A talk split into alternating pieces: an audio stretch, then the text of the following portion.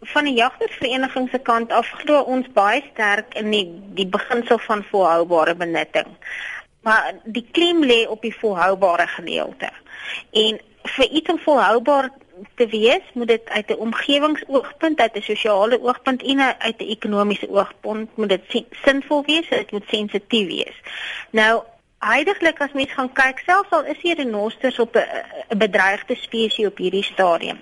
Die begrotings vir kom ons kyk maar in Namibië se geval, ek dink daai renoster wat hulle nou beskikbaar gemaak het vir jag, is nie noodwendig renosters wat soos in ons geval op 'n wildplaas in 'n in 'n kamp of 'n 'n plaas met 'n grens om het, né? Dis 'n vrylopende renoster.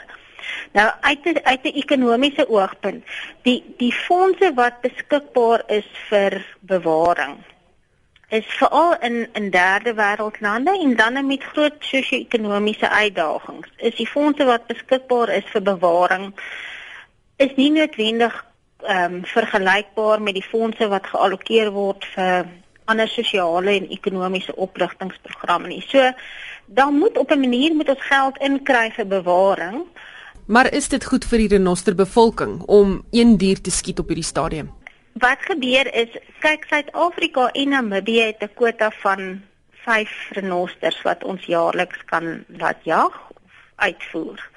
Um, en om daai kwota te gekry het, moes ons deur 'n groot nasionale en 'n internasionale proses gegaan het ons en Namibië om daai goedkeuring te kry.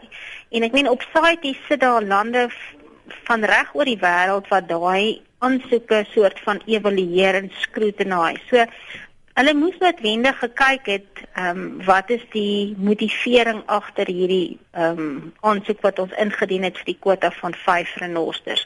In Suid-Afrika het ons nou onlangs het ons 'n um, renosters bestuursplan gegeset en in die geset sê dit baie duidelik wat die proses is vir ons om 'n renosterjag goed te keur.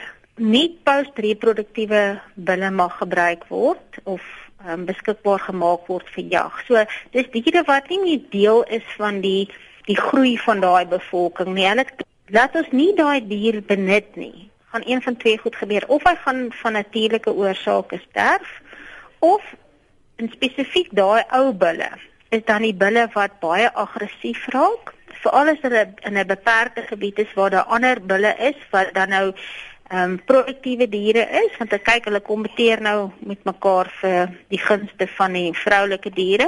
Wat beteken diere word gedood en daar's byvoorbeeld voorbeelde waar daar laas jare John Hume aangekoop gedoen om twee renosters te laat jag um, op sy grond. Op diere wat klaar geteel het, dis ou diere. En as gevolg van die lang en sorgvuldige proses waardeur hy moes gaan vir die aansoeke, het hy net een aansoek van sy aansoek is goedgekeur en in daai proses het die een wil die ander een doodgemaak.